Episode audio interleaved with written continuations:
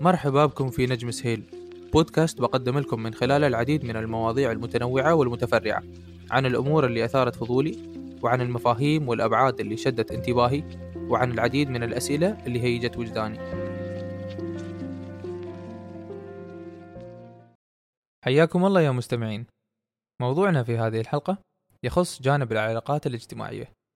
وبالتالي أحب أنوه في البداية للي ما سمع الحلقة الثالثة الخاصة بالذكاء العاطفي وأثره على حياة الإنسان بالإضافة إلى الحلقة الثامنة التي قدمت قطعة أخرى لأحجية التواصل الاجتماعي والذكاء العاطفي حيث كررت في الفترة الماضية لعدة أشخاص أننا شئنا أم أبينا؟ فإننا في نهاية اليوم سوشيال أنيمال أو حيوان اجتماعي. وتعود هذه التسمية في بالي لربط التواصل الاجتماعي للإنسان بالغرائز التي فينا كالبقاء والتناسل وغيرها. ولكن قبل أن نبدأ في صلب الموضوع أود أن أطلب منكم أن تشاركوا هذه الحلقة من فضلكم مع غيركم من هو مهتم في سماع محتوى البودكاست. وفي تنويه آخر وجدت في أحد التعليقات على البودكاست أن التسجيلات باللغة الإنجليزية تسبب التشتت للمستمع وأنا على دراية بوجود مثل هذا التحدي لدى المستمعين. فيكون جوابي لهذا الموضوع هو في نقطتين. الأولى هي أن أغلب مصادري في الحلقات هي مصادر إنجليزية أصلا. إن لم تكن جميعها. ومن باب إثرائي للحلقة أضيف بعض المقاطع فقط متى ما دعت الحاجة وكانت إضافة المقطع ذات فائدة قطعية. أما عن اللغة الإنجليزية فحتى وإن كانت تتعارض مع تقديمي للحلقات باللغة العربية فإنني أقوم في كل حلقة بالتلميح لعدة مواضيع عمدا من دون تفاصيل إضافية لتحفيز المستمع على البحث عنها. وكذلك للغة الإنجليزية فهي دافع لمن هو مهتم بالمواضيع المطروحة في الحلقات أن يقوي لغته أو مفرداته الإنجليزية. وهذا لرغبتي بوجود عامل التحدي في كل حلقة. أتمنى من الأخت أن تتفهم هذا الرد وأن تقبل هذه الحلقة المقدمة من دون أي مقطع مضاف. أما الحين يلا نبدأ. أهلا يا صديقي المستمع.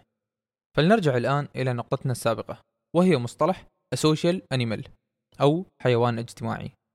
ومن هذا المنطلق أرى أنه يجب على الشخص أن ينتقي اختياره من باب الوعي والحذر دائما.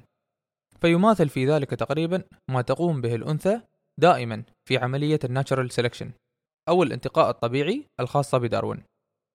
حيث تقوم كل أنثى على حسب الفصيلة التي تنتمي لها بالانتقاء الطبيعي بناء على معايير مختلفة تماما. ومن باب المثال والتغريب لم يمتلك الزراف مثل طول الرقبة الذي يمتلكه اليوم. ولكن لطول الأشجار في بيئتها. اختارت الإناث الزراف الذي يمتلك رقبة أطول بقليل من باقي الذكور لتعاشره. وبناء عليه تكاثر الزراف ذو الرقبة الأطول بقليل أكثر من أولئك الذين كانت لهم رقابا أقصر. فشاعت مع الوقت الرقابة الطويلة بين الزراف. فيذكر في ذلك أحد المقالات أنه في العديد من الأحيان يحصر الانتقاء الطبيعي أو الناتشرال سيلكشن في جملة البقاء للأفضل أو survival of the fittest. ولنرجع الآن إلى محور الحديث.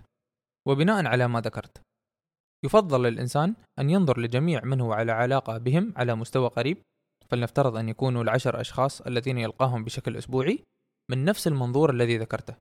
ألا وهو البقاء للأفضل. ولا يسيء أحد فهمي فهذا الموضوع ليس للجميع بل هو لمن يريد الوصول إلى بعض القمم أو الإنجازات في حياته. فيا صديقي القمم ليست للجميع وحتى وإن كانت فإنها ليست مصممة لأن تحتوي على الجميع.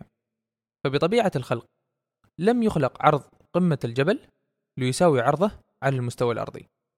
وكذلك الهيراركيز أو التسلسلات الهرمية فإنه لابد لها وأن تنفرد بشيء واحد فقط في الأعلى وغالبا ما يكون أفضل أو أثمن الموجود في هذا الهيكل.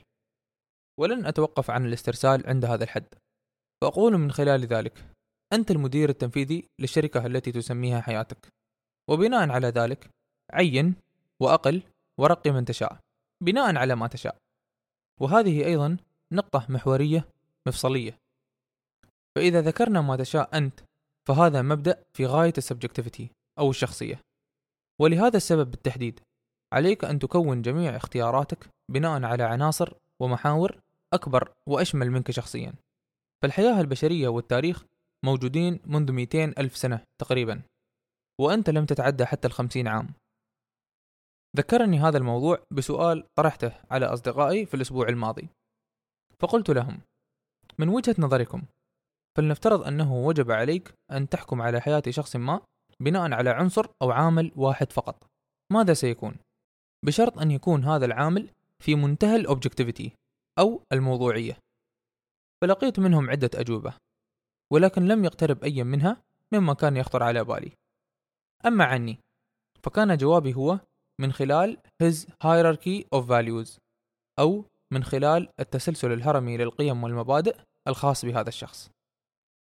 وعندما أذكر القيم والمبادئ هنا فحديثي لا يقتصر عن الموجود منها في المجتمع ومتوارث بين البشر منذ آلاف السنين. فإنني لا أعني الكرم أو الطيبة أو التسامح أو الأخلاق وغيرها. فجميع ذلك وما يشابهه في غاية العمومية. بل ما أقصده هو عندما يكون السؤال هو ما هو أكثر شيء موضوعي تستطيع من خلاله الحكم على الشخص المعين؟ وأن يكون ذلك من خلال التسلسل الهرمي للقيم الخاص به فإنني أقصد القيم التي يحوكم بها حياته أو governs his life through أو يستعين بها لتسيير حياته في ذات الاتجاه المعين الذي قرر هو الانطلاق فيه للوصول لما يريد في نهاية المطاف. فإن سألتني يا صديقي المستمع لماذا اخترت هذا الجواب؟ سأجيب ببساطة أنه عندما يختار الإنسان مجموعة من القيم ليبني عليها حياته الشخصية فإنه ينافق نفسه إن لم يلتزم بها بل هي فعليا كلمات أو وهم كونه في خياله ليطمئن به نفسه بين الحين والآخر ولكن لماذا أيضا؟ لأن القيم كالدستور الخاص بالفرد ولا قيمة للدستور إن لم يطبق بحذافيره. ولهذا السبب بالتحديد تعظم جميع الدول دساتيرها. ففيه جميع ما تستند وتتأسس عليه الدولة وكذلك الفرد. عموما فإذا نظرنا للمستوى الفردي فإن كنت تريد تأسيس الشركات وبناء ثروتك الخاصة فصادق واستمع للأغنياء وأصحاب الشركات والعقول التجارية الاستثمارية ولا تصادق أولئك القنوعين فهم غالبا ما يعجنون القناعة مع الطموح فلا يستطيعون بذلك. فصل القمح من قشره. وإن كنت تريد الحصول على حياة صحية رياضية مفعمة بالتحديات فصادق من يستيقظ من النوم عند الخامسة صباحا ويقارن بين السعرات الحرارية وكأنه في تحدي مستمر مع نفسه ليثبت لها بأنها لا تستحق إلا الأفضل. ولا تصادق من يطيل السهر ويبدأ يومه مع اقتراب الظهر. وتثير أوسع ابتساماته وجبة من الوجبات السريعة. ليس في يوم واحد بل في كل يوم. عموما ولكي لا ينظر إلي أحد على أنني متهجم أو أنظر الموضوع بوجهة نظر شخصية فهذه فقط أمثلة لتقريب الرسالة إلى عقل المستمع. فجميعنا يواجه العديد من الدوامات والمصاعب التي طالما قد نظر لها الغير من باب السفاهة. ولكنني رأيت من قبل وأنا على إيمان بأنه غالبا ما يحصل كل إنسان على مفتاح في يده. يستطيع من خلاله فتح جميع الأبواب المغلقة لدى الآخرين إلا الباب الخاص به. كنت أتابع فيلما من فترة قريبة فشدتني مقولة ذكرها الأب لابنته حيث قال لها إن كنت تنظرين إلى الأسفل فستهوين له أو if you're looking down that's where you'll go. وفي هذا أيضا تنويه مهم بأنه يجب على الإنسان ألا ينظر لمن هم أدنى منه في شيء معين من باب إرضاء نفسه بمرحلته الحالية. فمبدأ القناعة لا يتعارض مع الطموح والسعي بل قد ذكر الله في القرآن وأن ليس للإنسان إلا ما سعى وأن سعيه سوف يرى. وبناء عليه هذه النقطة أيضا مرتبطة بموضوع القيم. فإن كانت القناعة من أولوياتك وأهم من طموحك للوصول إلى بعض الإنجازات المعينة مثل الحرية المادية أو التجول حول العالم أو تأسيس شركة أو الحصول على براءة اختراع. فلا تحزن ولا تنظر للغير إن وصلوا إلى ذلك بل هنئهم لأنه فعليا وجه المقارنة في هذا الحال وجه غير صحيح حيث من صحة شروط المقارنة أن يقارن الشيء بالشيء. فلا تقارن الذبابة بالنحلة. فإن كنت قنوعا فانظر لمن هم أفضل منك في القناعة. وهذا من باب المرجعية لا من باب المقارنة أصلا لأن مقارنتك نفسك للغير مبدأ مغلوط أيضا. ولكن ليس من العيب ولا الخطأ أن ينظر الإنسان لمن هم أفضل أو أكفأ منه في مجاله المعين حتى وإن كانت هواية. فالحياة لعبة موقوتة وجميعنا نملك أرواحا لها تاريخ بداية ونهاية. ولذلك يجب عليك أن تفكر من باب العمل الذكي وليس العمل بشقاء أو working smart not working hard. ذكرني هذا الموضوع بمقولة أخرى تقول You hang around the barber shop long enough sooner or later you'll get a haircut. أو إذا تمشيت بالقرب من الحلاق لمدة كافية عاجلا أم آجلا ستحصل على قصة شعر. الجميل في هذه المقولة أنها تنطبق على الجانبين الإيجابي والسلبي. ففي الإيجابي أنك بمجرد أن تحيط نفسك دائما بالأمور التي تريد تحقيقها أو الناس الذين يلهمونك عاجلا أم آجلا ستحقق ما تريد أو ستصبح منهم. أما عن السلبي حتى وإن كنت تعتقد أن وجودك مع عدة أفراد من الأهل أو من الأصدقاء أو من زملاء العمل أمر لا ضير فيه ولكن عاجلا أم آجلا سيترتب عليك شيء معين قد ورد منهم. مثل تضييع الوقت أو النميمة أو محدودية النظر أو الكسل أو التأجيل وغيرها. فكنت في أحد المرات أذكر لأحد أصدقائي مثال حول ساعة ساعة يد فقلت له إن كنت تمتلك باتك فيليب فهل ستضعها في الممر أو في صندوق الأمان؟ فجاوبني صندوق الأمان بالطبع. فقلت له وكذلك لجميع ما هو قيم بالنسبة لك في حياتك حتى وإن كان هذا your mindset أو مستوى نضج عقليتك الحالي. كلما ارتفعت قيمة الشيء من الطبيعي أن تحافظ عليه أكثر. فراجع نفسك واكتب على ورقة أهم الأشياء بالنسبة لك أنت لا بالنسبة للمجتمع.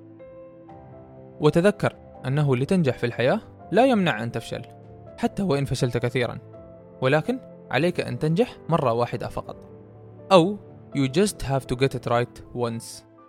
هي مرة واحدة فقط.